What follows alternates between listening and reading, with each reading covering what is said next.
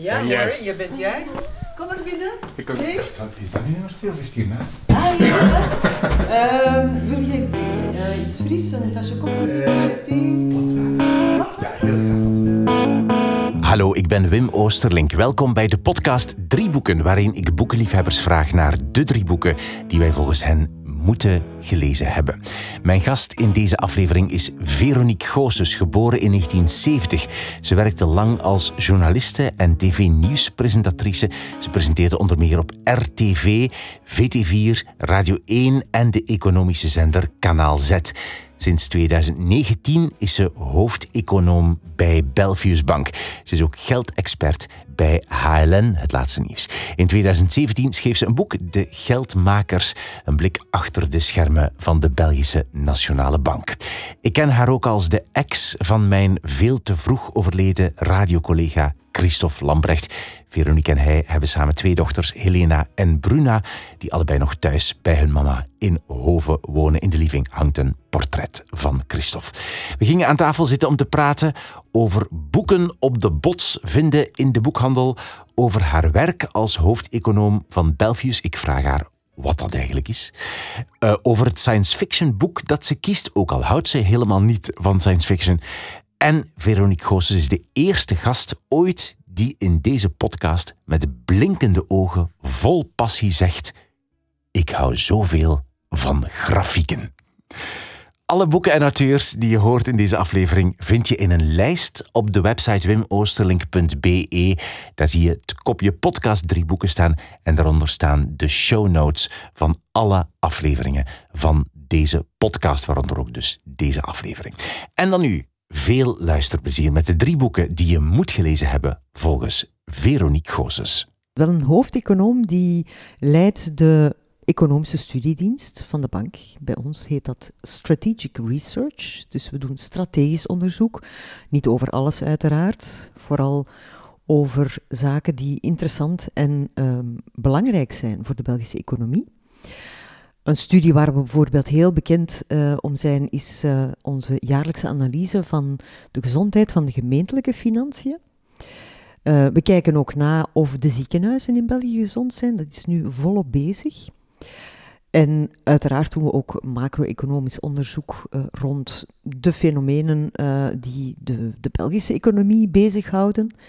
En um, we zijn ook bezig geweest met familiale bedrijven, pro problemen in zaken de transitie van familiale bedrijven. Heel veel bedrijven die nu een nieuwe generatie zouden moeten tegemoet gaan, maar dat gebeurt eigenlijk niet. En dat is toch wel een aandachtspunt, dat bedrijfsleiders daar op tijd aan moeten beginnen, want al die babyboomers zijn nu aan het uitvloeien. En als je kijkt naar familiebedrijven, ja, dat zijn toch heel vaak bedrijven die op heel lange termijn uh, denken en een belangrijke motor zijn voor onze economie en onze werkgelegenheid ook. Zit je dan niet heel de tijd in... Um, lees je niet heel de tijd financiële artikels, dat is mijn vraag. Ik lees heel veel. Ik lees heel veel. Ik lees natuurlijk de kranten, maar het liefst van al lees ik ja, van die uh, internationale rapporten, economische rapporten, maatschappelijke rapporten, uh, politieke rapporten, om een beeld te krijgen van hoe de wereld eraan toe is en wat er, liefst ook wat er staat te gebeuren, om, om de diepe tendensen te kunnen vatten. Ah, maar het is dus niet zo, want ik, ik dacht vooral cijfertjes en tabellen, maar dat is dan toch dat niet. Jawel, ook, ook cijfers, ook tabellen, ook grafieken. Ik hou heel erg van uh, grafieken. Ik vind het heerlijk om naar grafieken te kijken. Je kan er ook heel veel aan mispeuteren. Hè. Je kan met uh, statistiek kan je van alles bewijzen natuurlijk, ook met grafieken. En uh, dus moet je altijd goed opletten dat je, dat je goed kijkt en kritisch blijft kijken, maar grafieken, daar kan je zoveel in, in zien. En... Ik heb nog niemand in mijn podcast gehad die deze woorden uitgesproken heeft, terwijl ik wel al mensen in de sector gehad heb en wiskunde en zo, maar nog nooit iemand die zei, ik hou zoveel van grafieken.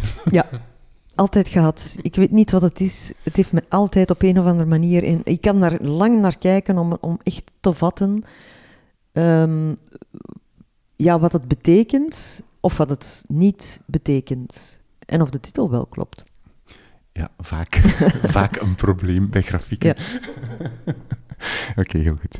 Ben je een grote lezer los dan van jouw vakgebied? Helaas. Ik heb dat vroeger wel veel gedaan, fictie lezen. Mhm.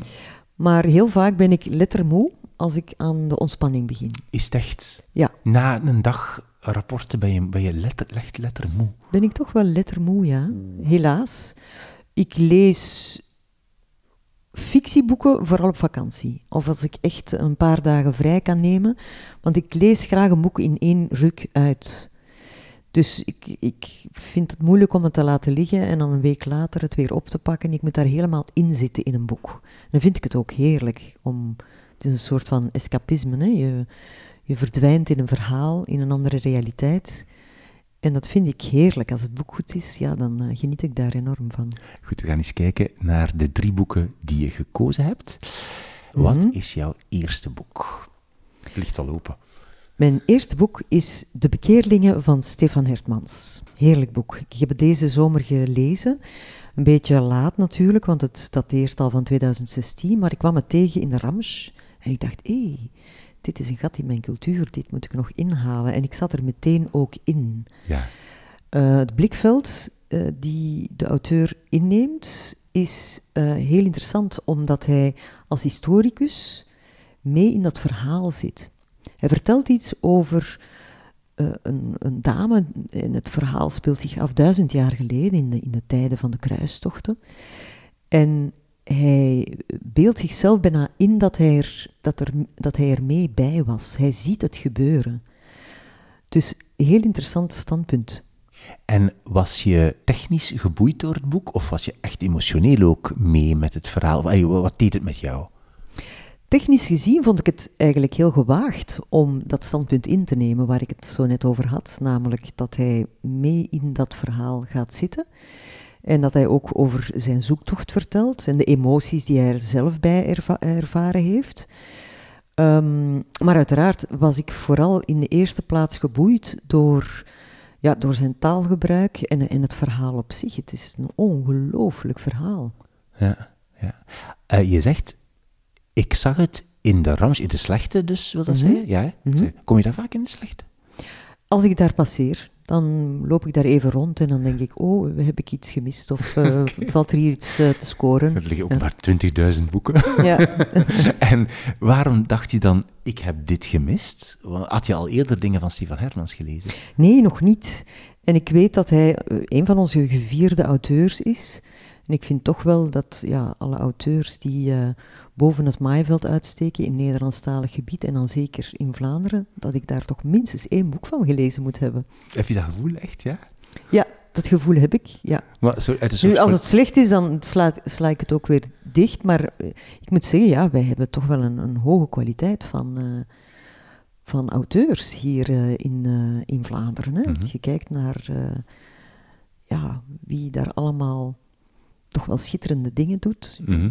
Ja, Maar je, Indrukwekkend. je, hebt, je hebt een soort, moet ik het zeggen, je hebt een soort drang naar volledigheid wat dat betreft. Hè? Zo van, ik moet de goede allemaal gelezen hebben. Of niet? Mm, Nee, dat is nieuwsgierigheid. Ja, dat is puur nieuwsgierigheid. Want, en ook erover kunnen meepraten. Namelijk, iemand begint iets te vertellen over eh, een boek van Stefan Hertmans en dan denk ik, oei, ik heb daar nog niks van gelezen. Wat een schande is dat nu. Dus nee, ja... maar in de eerste plaats nieuwsgierigheid. Ik ben eindeloos nieuwsgierig. Als, als veel mensen erover spreken, als eh, die man prijzen wint, als, als zij eh, vaak in de aandacht komt, ja, dan moet dat een goed boek zijn. Of dan moet ik daar op zijn minst iets van gelezen hebben. Puur ja, uit nieuwsgierigheid. Dat is eigenlijk wel de hoofdtoon. Je zegt, als het niet goed is, dan sla ik het ook weer dicht. Betekent dat dat je sommige boeken niet uitleest? Ja. Ja. Als het na pagina 100 echt niet klikt, dan denk ik, oh, dit, nee, ik heb Hond- je, echt geeft je geeft het 100 bladzijden de kans. Ja, soms maar twintig. Het hangt er een beetje vanaf. Soms lukt het van, van in het begin niet. Ehm, maar meestal probeer ik het toch even vol te houden, omdat dat eh, vaak loont ook. Mhm. En Stefan Hermans heeft dus, heeft dus allee, heeft bevestigd, laat ons zeggen. hè, Je was blij, heel blij, want je hebt het gekozen. De verwachting is ingelost. De verwachting was meteen ingelost. Oké. En ga je nu zo de rest van zijn uiveren ook lezen? Of heb je zoiets van, één een boek, het is goed, ik heb het gehad. Er is zoveel te lezen. Er is echt zoveel te lezen. Het zou best wel kunnen. Als ik daar toevallig op terechtkom. In de Het is slechte. een- ja, maar het is, het is, nee, het is voor een stuk serendipity bij mij. Ik, ik, ik, eh, het kan soms zijn dat ik heel specifiek naar een boek op zoek ga in de boekhandel, maar het kan ook zijn dat ik mm, ronddwaal, wat ik heerlijk vind. Ik kan daar rustig een uur doorbrengen. Ook op de boekenbeurs. Zalig. Ik eh, ben eh, tot nu toe altijd naar de boekenbeurs geweest, al sinds ik een klein meisje was. En ik kan daar echt eh, uren rondlopen. Heerlijk vind ik het. En dan Mhm. koop ik ook altijd een aantal boeken. En dat is echt... Ja, ik ben dan niet echt op zoek naar iets specifieks, maar dan kom ik dingen tegen en dan denk ik, ah ja, dat, eh, dat neem ik mee. En heb je dan niet soms of vaak dat, dat je over een boek iets leest of dat iemand jou iets aanraadt en dat je dat dan, dat dan specifiek gaat zoeken? Ja, dat gebeurt Dat ook. gebeurt ook, ja. Ja, absoluut. Of dat ik een recensie lees, eh, of dat ik een interview bekijk op televisie met de auteur over dat boek. Of dat iemand anders het mij aanraadt, kan via verschillende wegen eigenlijk. Ja, ja oké. Je zei, als klein meisje ging je al naar de boekenbeurs? Ja. En was, werd je, je, je ouders, stuurde je dan of zo? Of, ging dat, of je ging met je ouders mee? Hoe ging dat dan? Ik ging met mijn vader, ja. Ah, ja. Ja, we gingen samen en dat was een hoogdag. Dan kregen we franken om boeken te kopen, nog in franken hè, op dat moment. Dus nee, dat was heerlijk. En ik heb als kind heel veel gelezen eigenlijk. Jou- Altijd veel gelezen, hè, maar Ja. nu is, is ja, het is meer overgeslagen naar eh, non-fictie dan, eh, dan dat het nog fictie is. En was jouw vader daar dan de grote stimulans in? Hij las ook veel, ja. Maar of hij dat nu heeft opgelegd, ik denk dat ik een intrinsiek interesse altijd heb gehad om te lezen en veel te lezen. En te schrijven ook. Oké, jouw eerste boek, De Bekeerlingen van Stefan Hertmans. Wat is jouw tweede boek? Mijn tweede boek is The Great Demographic Reversal Sorry, van wa- Charles Goodhart. Waarom, is de, waarom heb je nu de, de kaft apart gelegd van het boek? Ik, ik had het boek zo bewaard in mijn boekenkast. Zonder, zonder zo En ik flapkast, vond flapding. daarnet, in, in- bij mijn zoektocht naar een ander boek, vond ik het kaft terug. Maar zo raar, die houdt die, ap- die, houdt apart. Ja, die was, enfin, dat was verdwaald geraakt. Oké. Ik ben niet zo eh, ordelijk met boeken. Ik, ik, ik- kijk, ik eh, maak ook aantekeningen, Oeh. ezelsoren. Oeh, oh een my boek god. moet er beduimeld Ja, uitzien. maar dit is het- wel een werkdocument. Zeg, amai, maar echt zo met fluostift en met, met doorkrapt en zo. En, en, en inderdaad, al ezels, wauw. Ja, oké, mooi. Maar goed, vertel eens, wat is dit voor iets? The Great Demographic Reversal. Een interessante denkoefening van een bekende eh, econoom, Charles Goodhart. En die heeft het over de grote demografische verandering die zich op dit moment aan het voltrekken is in de wereld en de gevolgen voor de economie. Namelijk, we zitten wereldwijd, ehm, Afrika en India eh, eh, uitgesloten, want dat is een jongere bevolking, met een babyboom-generatie, enfin eigenlijk een, eh, een vergrijzende bevolking. In China is men aan het vergrijzen, in de Verenigde Staten, in Europa, andere delen van de wereld. En je ziet dat dat een effect gaat hebben, economisch gezien. Wat zijn analyse is, en dat begint eigenlijk op dit moment toch wel mainstream te worden, is dat het feit dat we dus eh, meer mensen gaan hebben in onze samenleving die afhangen van de werkende bevolking. Hè, want de werkende bevolking die voedt zijn kinderen op, hè, maar dat betaalt dat ook. En anderzijds ja, zorgen we ook voor het pensioen en de gezondheidszorg van degenen die met pensioen zijn. Dus dat stuk van de bevolking is al maar aan het krimpen, die arbeidsbevolking, en dat andere stuk is eh, enorm aan het, aan het uitbreiden. Dus de afhankelijkheidsratio eigenlijk noemen ze dat met een heel eh, zwaar woord in de economie. En dat zal een inflatoir effect hebben. Namelijk, dat zal prijsverhogende effecten hebben.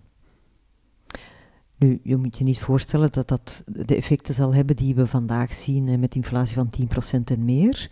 Maar we zullen wel meer inflatie kennen dan in de afgelopen decennia. Herinner je, wij hadden nauwelijks inflatie. We hebben eigenlijk jarenlang heel, heel lage inflatie gehad, tot zelfs krimpende prijzen.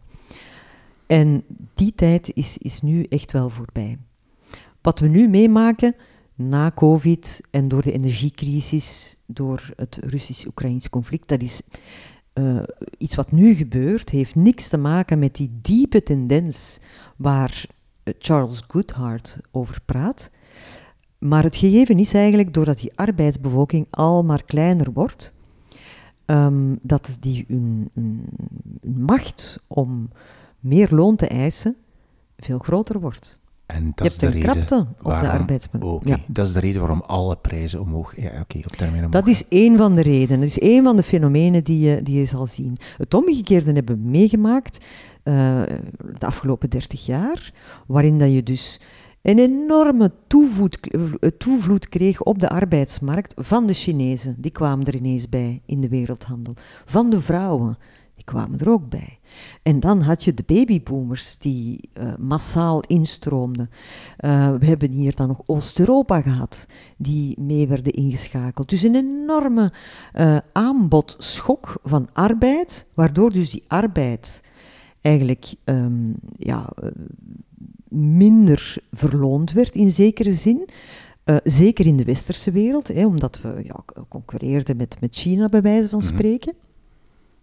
En waar heeft dat voor gezorgd? Dat heeft gezorgd voor meer gelijkheid in de wereld. De Chinezen zijn eh, er veel beter aan toe dan enkele tientallen jaren geleden, maar heeft wel gezorgd voor een veel grotere ongelijkheid binnen landen.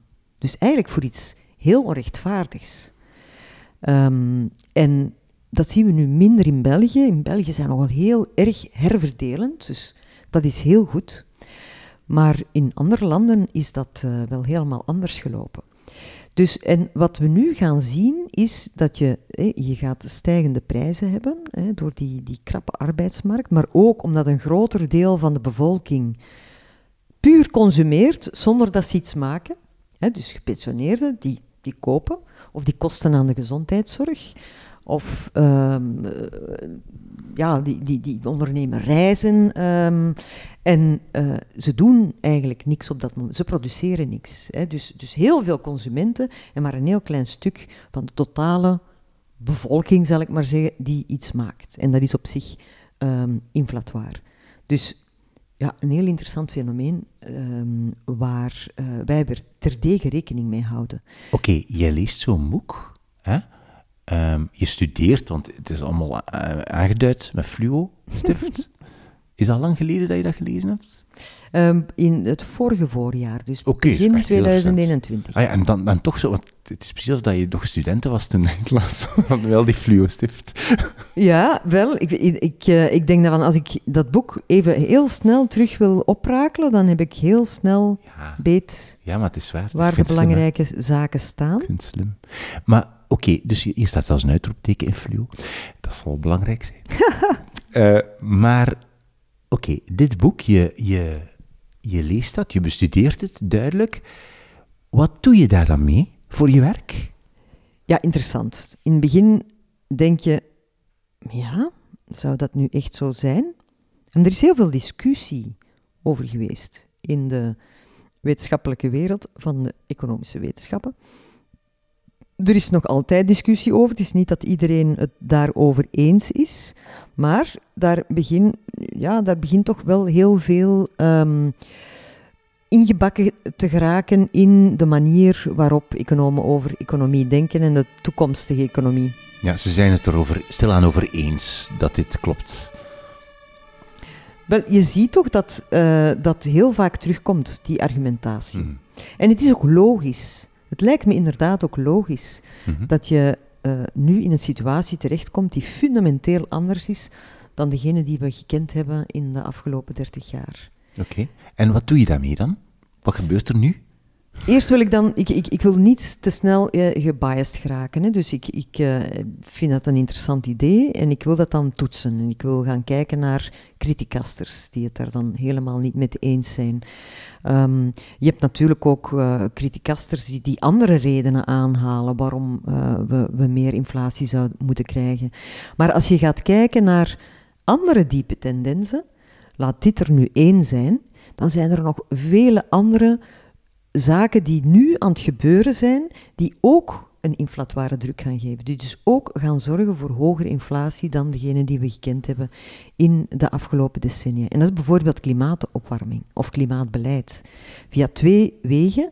Enerzijds ziet je toch dat er um, in, in de wereld veel meer oogsten mislukken.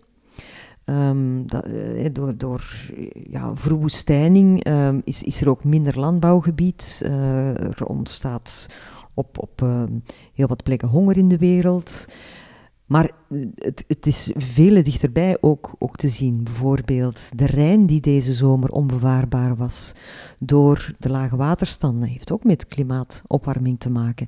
En het gevolg daarvan is dat de, de boten er niet meer langs kunnen. En dat dus alles wat daar ja, meer vervoerd wordt, duurder wordt. Hè, want het raakt niet op tijd op de plek waar het moet zijn. Mhm. Net zoals voeding, die ook duurder wordt omdat het schaarser wordt.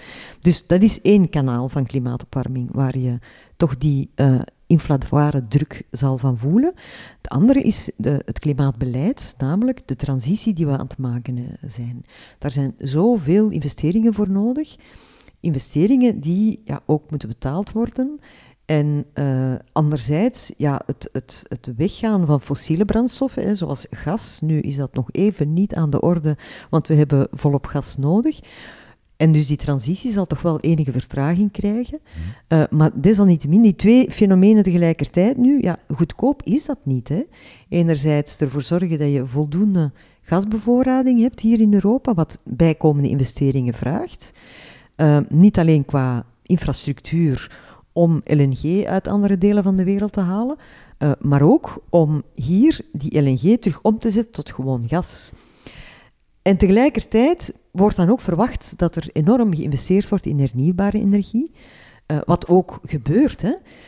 Um, maar dat maakt dat uh, er heel veel investeringen nodig zijn die het ook wel duurder zullen maken om um, ja, te gaan leveren naar dat idee van 0% uitstoot tegen 2050. Ik mhm. denk bijvoorbeeld, als, als het over ons gaat, ja, wij, wij uh, moeten investeren in, uh, in ons isolatie voor onze huizen. Dat kost ook veel geld om je huis helemaal up and running te maken. Mm -hmm. um, of investeren in andere energiebronnen dan fossiele brandstoffen. Uh, of kiezen voor een elektrische wagen is toch nog altijd duurder dan mm -hmm. uh, een andere wagen nemen. Dus al die zaken zijn ook weer uh, prijsverhogend. Want al die bedrijven gaan zich daarop moeten aanpassen, gaan ook die transitie moeten maken, gaan moeten ja, andere dingen doen en investeren om ervoor te zorgen dat ze mee dat pad uh, opgaan. Oké, okay, goed. Dus dat, we weten uit verschillende bronnen, onder meer uit dit boek,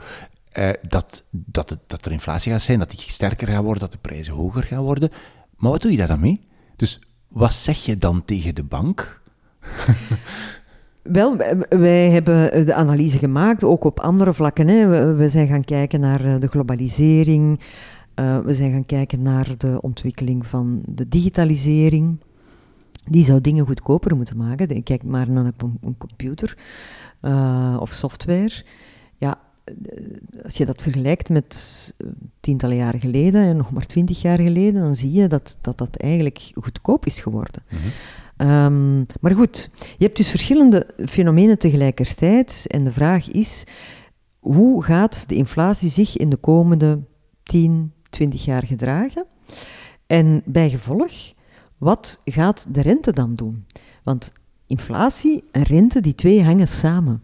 En rente is heel belangrijk voor een bank, omdat we um, ten allen tijde, als jij geld uit de muur wil halen of gewoon wil overschrijven, um, moeten wij dat ten allen tijde kunnen geven. En tegelijkertijd beleggen wij dat geld dat je op je spaarboekje zet in leningen, op lange termijn. We zetten dat weg voor de lange termijn.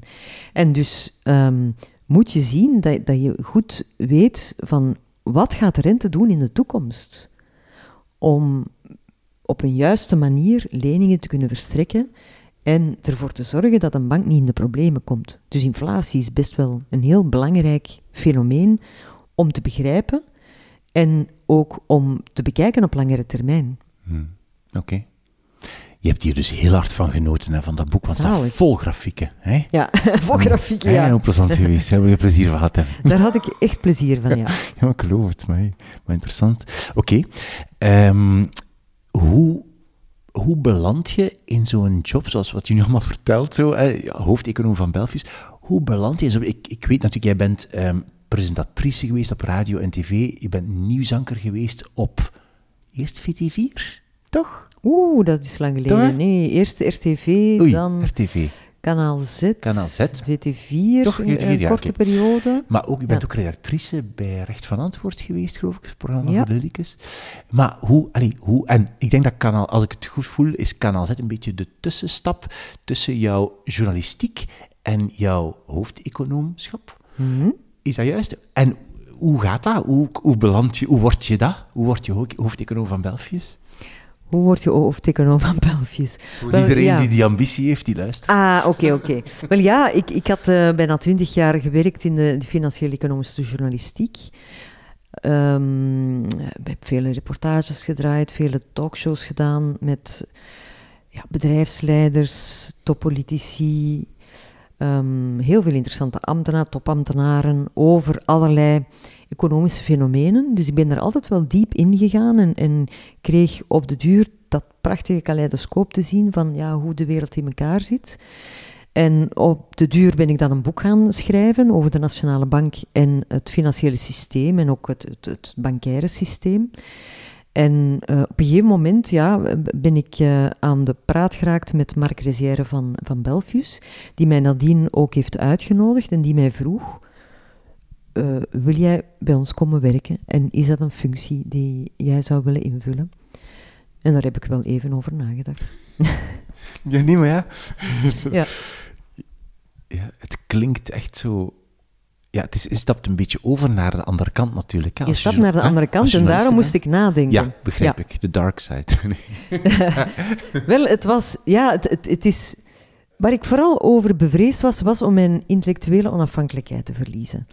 Want als journalist heb je die natuurlijk. Hè? Maar ehm, door veel te praten met het management en te bekijken, ja, hoe ga ik die functie nu invullen, werd al heel snel duidelijk, ja, maar dat is helemaal niet de bedoeling om die intellectuele onafhankelijkheid te verliezen. Integendeel. Hè? Je moet zeggen waar het op staat. Dat is Ja, nu net de Het is bedoeling. essentieel aan de job eigenlijk Ja. om, om kritisch te kijken naar de wereld en zo. Ja, en inderdaad. bank, ja, ja. Ja.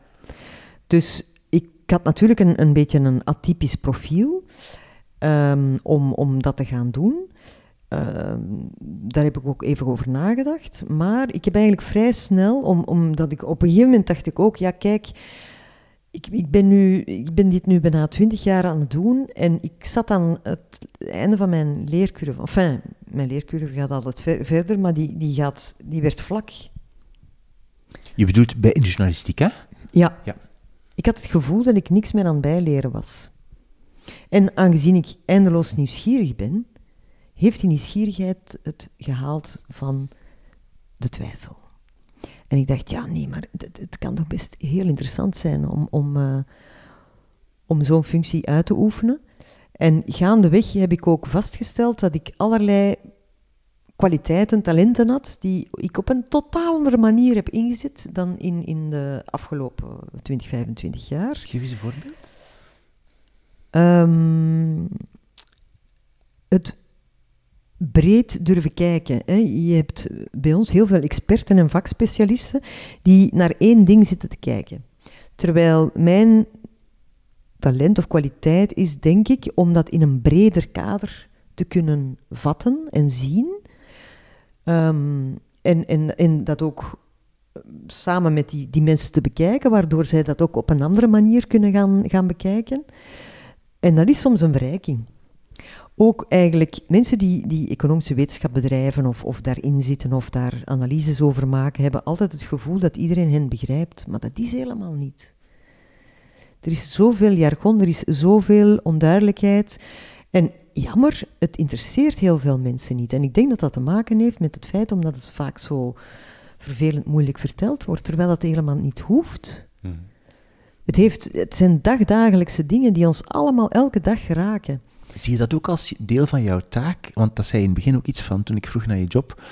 Zo, die begrippen, die wereld naar, naar ons gewone burgers brengen?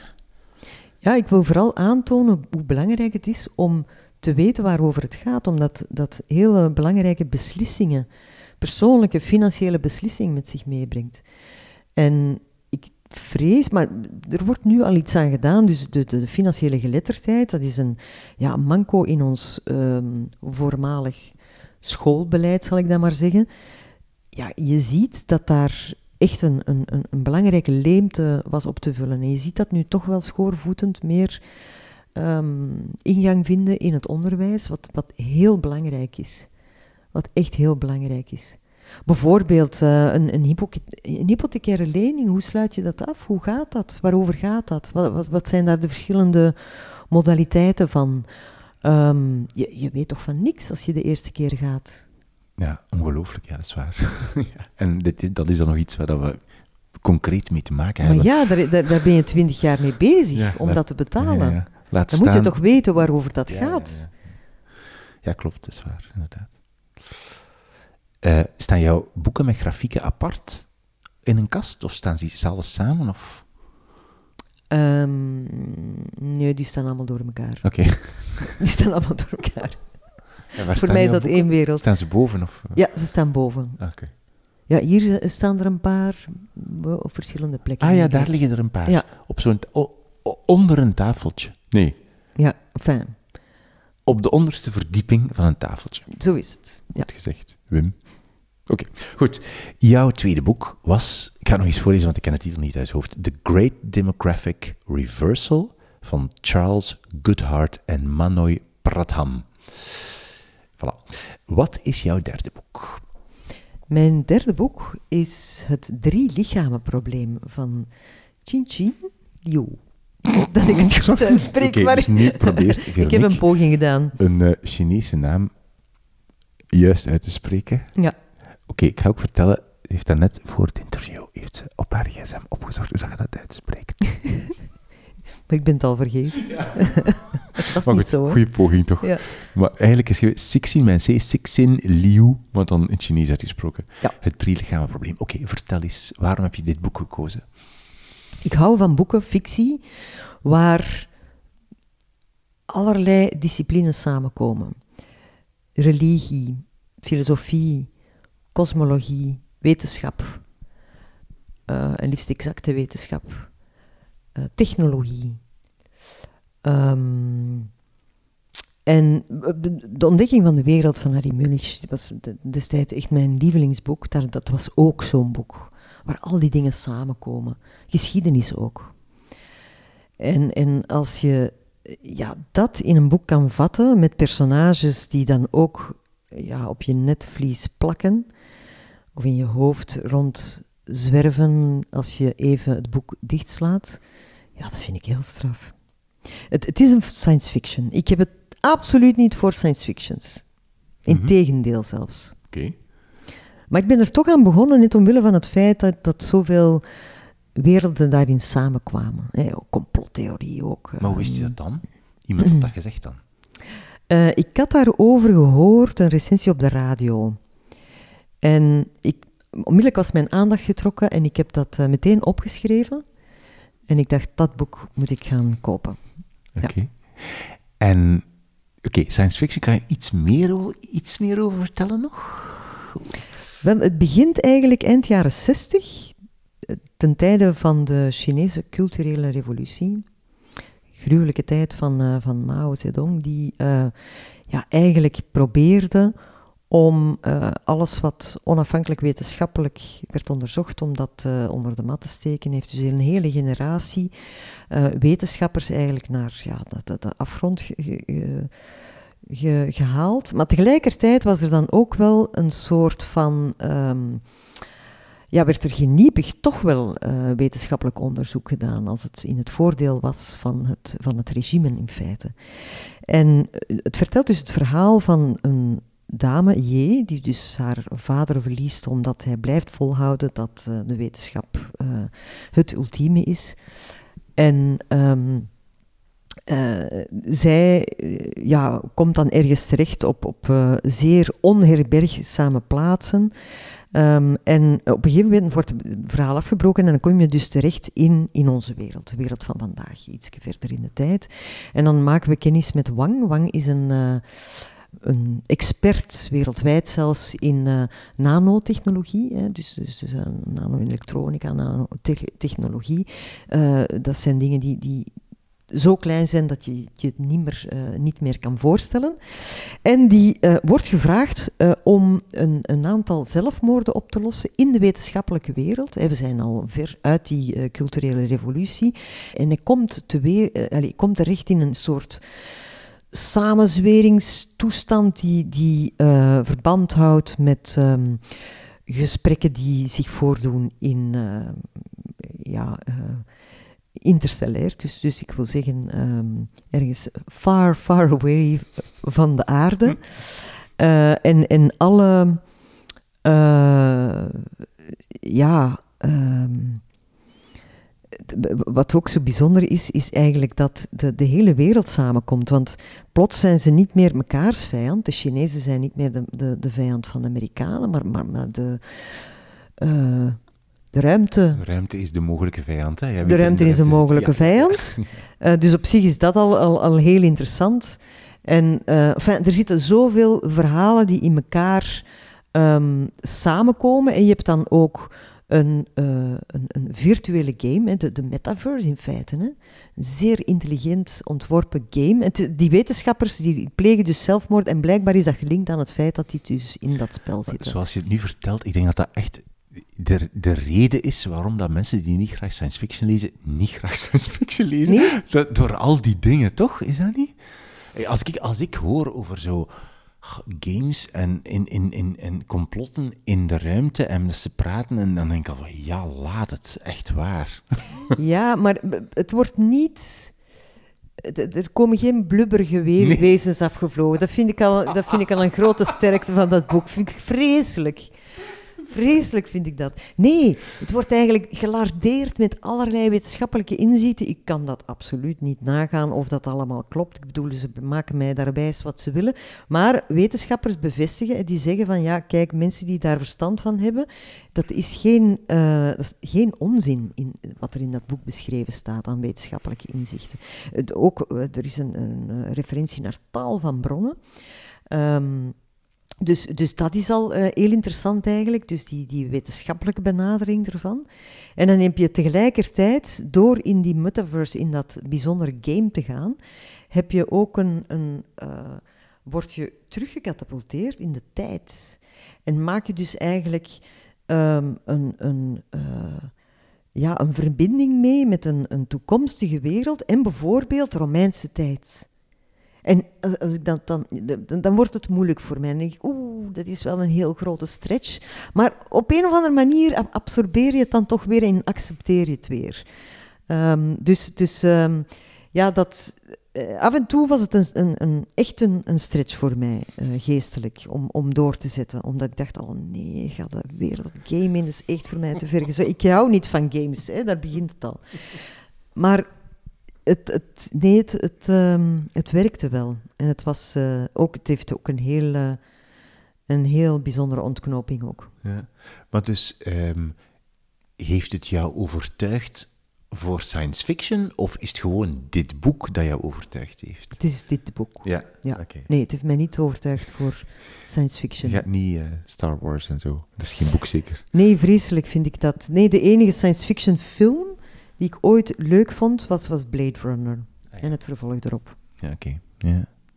Wat je net zei, van zo de brede blik op de, op de samenleving. Van, ja, ik weet niet hoe je zei het anders hoor, maar ik weet niet hoe je het zei. Maar als sinds zo een, niet zoals een wetenschapper die één klein dingetje bekijkt, maar iemand die alles eh, breed en vanuit af, afstand bekijkt, dat je daarvan houdt. Ik hou er enorm van. Dat, je dat, dat is helemaal mijn ding. Dat is ook wat er in dit boek gebeurt natuurlijk. Ja. Het is echt ongelooflijk hoe hij ja, heel veel disciplines samenbrengt vanuit, vanuit een heel... Hij kijkt als het ware vanuit een andere planeet naar wat er op aarde zou kunnen gebeuren of zo. Het is van heel ver. Hè? Het is dat dat jou aanspreekt ook in dat boek. Dat, die, het visionaire bijna van het boek, of niet? Het visionaire, maar dat hoeft het, dat hoeft het niet per se te zijn. Het is eigenlijk de link tussen al die disciplines, tussen wetenschap, tussen eh, religie. Want wetenschap en religie, daar is op zich al een, daar zit een spanning tussen. Er is een spanning. Zo begint het boek ook. Dus, dus dat vind ik heel interessant. Dat soort van maatschappelijke spanningsvelden. En de manier ehm, waarop ze ja, in, dit, in dit geval uitgedaagd worden. Nee, die, Romeinen worden zelfs in, in de toekomst gehad. Enfin, het, het, dus het, um, maar it makes sense. En het, um, ja, het, het, hele filosofische gesprek dat daar dan ook uh, uit voortvloeit, ja, het, is, het, het prikkelt enorm. Maar visionair zou ik het nu niet noemen. Hè, want er wordt dan gesproken, ja, hè, er, eh, er zijn dan... Uh, het zou kunnen dat uh, hè, we binnenkort worden ingepalmd door een ander planetair stelsel of, of uh, een, een, ergens een bevolking op een andere planeet. Ja, het is niet dat ik dan denk van, oh, Nee, maar wat ik bedoel is, met visionair... Dat, dat zal nu wel gaan gebeuren. Nee, maar met visionair heb je ook... Het is eigenlijk ik, geen goed woord, maar je hebt wel, om iets visionair doen, heb je wel een soort heel brede, verre blik nodig. En dat heeft hij wel, maar inderdaad, ja. ik, gebruik het woord uh, verkeerd. Ja, hij heeft inderdaad een heel verre blik. En, en het, het is wat... Uh, Barack Obama heeft het boek ook gelezen en prijst het ook aan hier op de achterflap. Hij, zegt, het was geweldig om te lezen, deels omdat mijn alledaagse problemen met het congres ineens nogal beperkt leken. Wel ja, wel ja, natuurlijk. dat de, de muggenzifterij, het, het, het, het zeer technische, detailistische van beleid, um, maar ook de, de, de, moeizame gesprekken die je um, als uh, Amerikaans president hebt, uh, niet alleen binnen je congres, maar ook internationaal. Uh, als je gewoon maar kijkt naar Europese besluitvorming, hoe dat met muizenstapjes evolueert. En als je dat dan even bekijkt en je bekijkt dan ja, hoe dit echt totaal wordt opengetrokken en, en je um, bewust maakt, want het gaat ook over hoe wij onze planeet verkwanselen bijvoorbeeld, hè, is een van, die, uh, van die zaken die daar toch uh, op, het, op het bord wordt gelegd. Um, ja, hoe, hoeveel groter eigenlijk de, de uitdagingen zijn die, uh, die we proberen aan te pakken, maar um, sommige dingen nemen zo'n dimensie aan die, die, die, je bijna zelfs niet meer kunt vatten als mm. mens. En dat vind ik wel interessant. Mm. Ik heb het boek zelf ook gelezen. Er zijn een paar uh, prachtige beelden ook. Ik herinner mij een beeld. Het is precies soms een film. Ja, zo, het is, zo, ja. ja maar het gaat verfilmd worden door Netflix. Ja, ik ah, kan het mij zeer goed voorstellen. Ja, zeer goed verfilmbaar. Ja, absoluut. En ik herinner mij zo'n beeld dat ze dus een, een, een computer een, er is een computer in, gemaakt van mensen. Dus eigenlijk zo'n soort een veld met een miljoen mensen op. Ja, ja. En dan moeten die dan vormen die allemaal ja, bits en bytes. Ah, dus nultje en, nultjes en eentjes als het ware. Dus die moeten eigenlijk zich, zich verplaatsen. En dan is dat een soort beslissing of zo, die dan telkens vol. Enfin, zo, Het is ongelooflijk. Schitterend, uh, ja, ja, schitterend. Maar je kan je voorstellen dat zoiets in China echt zou kunnen gebeuren. Hè? Ja, Denk maar aan de Olympische Spelen van uh, een, een hele reeks jaren geleden. Uh, ook daar, allee, ik zag zo'n beeld op dat moment. Um, inderdaad, hè, er staan dan miljoenen mensen en die moeten bij een bepaald commando een stokje omhoog steken uh, of een vlaggetje, een, een, wit of een rood. Ah, en dan is het een berekening dat ze En dan is er een berekening, hè, want, want dus de beschaving gaat altijd kapot. Hè, dus de, de, de, er komt altijd een, een, een periode aan van uh, totale bevriezing. Ja. Um, hè, dus dat, dat de wereld gaat telkens weer kapot. En, en ze moeten dus berekenen, maar je schuift elke keer op in de tijd, ze moeten dus berekenen hoe ze kunnen voorkomen dat dat gebeurt. Of wanneer dat, dat precies gaat gebeuren. En dus ook eigenlijk, het is, het, is het drie lichamen probleem ook, hè, dat daar centraal staat. En dat is een probleem in, in de, de, de, mecha, um, de mechanische wetenschap. Uh, of in de, de, de mechanica. In ja. de mechanica is het drie lichamen probleem een probleem. Hè, omdat als je twee uh, lemenlichamen hebt waarvan het een rond het ander draait, ja. dan, um, dan kun je dat allemaal mooi berekenen. Maar als er drie uh, hemellichamen uh, zijn, dan, dan, wordt dat al veel complexer. En dan moet je dat eigenlijk ja, op een totaal andere manier aanpakken. En het, enfin, um, interessant. ja, heel interessant. Oké, goed. Het Ook al begrijp ik dat niet helemaal, hè, want dat, is dan, dat, dat gaat over, hè, dat, dat zijn dan, het gaat over wiskunde. Het, het, het, het, het gaat eh, heel vaak over exacte wetenschappen. En dat is nu net iets waar ik niet zo geweldig goed in ben. Eh, exacte wetenschap, ja, economische wetenschap is geen exacte wetenschap, hè, dat is een menswetenschap. Ehm, het, het is iets ehm, wat, ja, wat, wat mij eindeloos kan, eh, kan intrigeren. De, de schoonheid van, van wiskunde, van, van eh, geometrie. ehm, eh, ja, allemaal dingen die ik eigenlijk pas na mijn opleiding ontdekt heb. Ja. En hoe het allemaal samenkomt. Hè, in jouw, want jouw drie boeken illustreren exact wat jij al de hele tijd zegt.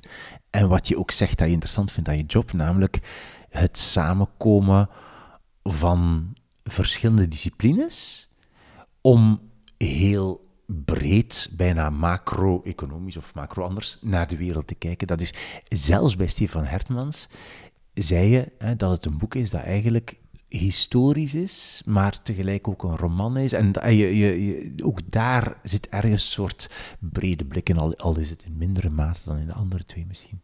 Maar het is zo, die kruistochten dus duizend jaar geleden, daar leer je op school hoe dat ging en dat gaat er allemaal nogal heldhaftig aan toe, kan ik mij herinneren. Maar wat een gruwel was dat. En het is nu voor het eerst dat ik echt een heel granulaire kijk krijg op die tijd, hoe eh, genadeloos die was, hoe die eh, kruisvaarders met heel hun gevolg, want dat waren heel door stoeten en dorpen eigenlijk, die, die eh, met een, een karavaan eh, op, op weg gingen, hoe die een spoor van vernieling achterlieten, hoe die ja, de vrouwen de stuipen op het lijf jagen, joegen, ehm, hoe, ehm, ja, hoe onbeschaafd dat het allemaal was in feite. Ehm, dat, dat, dat waren barbaren. En dat komt zo mooi naar boven in het boek. Dat wordt zo tastbaar ook, hoe, hoe die tijd is geweest. En, en hoe het eh, hoofdpersonage ja, daar eigenlijk een, een, eh, een heldinnenrol in, in vervult. Zo, ja, ze, is ongelooflijk ehm, impulsief. Hè? Dus eigenlijk, ze wordt het slachtoffer van zichzelf. Hè? Ze, ze, ze doet het zichzelf gewoon aan. Ehm, de situatie waarin ze zich ehm, eh, laat wegleiden. Ehm, maar ja, ik, ik, je herkent het ook wel. Hè? Het is ook gewoon des mensen. Wil jij jouw drie boeken nog eens herhalen voor mij? Wat Ja. was jouw eerste boek? Het eerste is eh, De Bekeerlingen van Stefan Hertmans. Ja, het tweede twee. is The Great Demographic Reversal van Charles Goodhart. En het drie lichamen probleem is van Ching Liu. Maar het- echt, op Google was dat helemaal anders. Ja, Dat was echt totaal iets anders. Dat was mijn ei of zo. Se- Seichin. Dat is straks Zij- zei, m- Voor we ja. begonnen zei je Seichin. Sechin. Che, Cheshin. Cheshin, zo was het. Nee. Oké, dankjewel voor jouw drie Dank u. Zo, dit was mijn gesprek met Veronique Goossens. Alle auteurs en boeken staan, zoals steeds, op de website wimoosterlink.be onder het kopje podcast drie boeken. Een lijst met alle boeken die we noemen. De drie boeken die Veronique gekozen heeft met links en al erbij. En ehm, een foto van haar boekenkast. Allemaal wimoosterlink.be. Ga even kijken als je wil. Volg drie boeken ook op Instagram. Drie underscore boeken. Abonneer je op deze podcast. Dat kan normaal op de plek waar je nu aan het luisteren bent. Geef een recensie in de app als dat kan, want dat helpt om eh, de podcast verder te verspreiden. En laat vandaag of morgen aan twee vriendinnen of vrienden weten dat ze ook eens naar deze aflevering moeten luisteren. En waarom? En via welk platform jij luistert. Via Apple Podcasts of Spotify. Laat dat erbij weten, dat verlaagt een beetje de drempel. Ik ben Wim Oosterlink. Dit is de podcast Drie Boeken. Dankjewel voor het luisteren en voor het delen. En tot de volgende keer.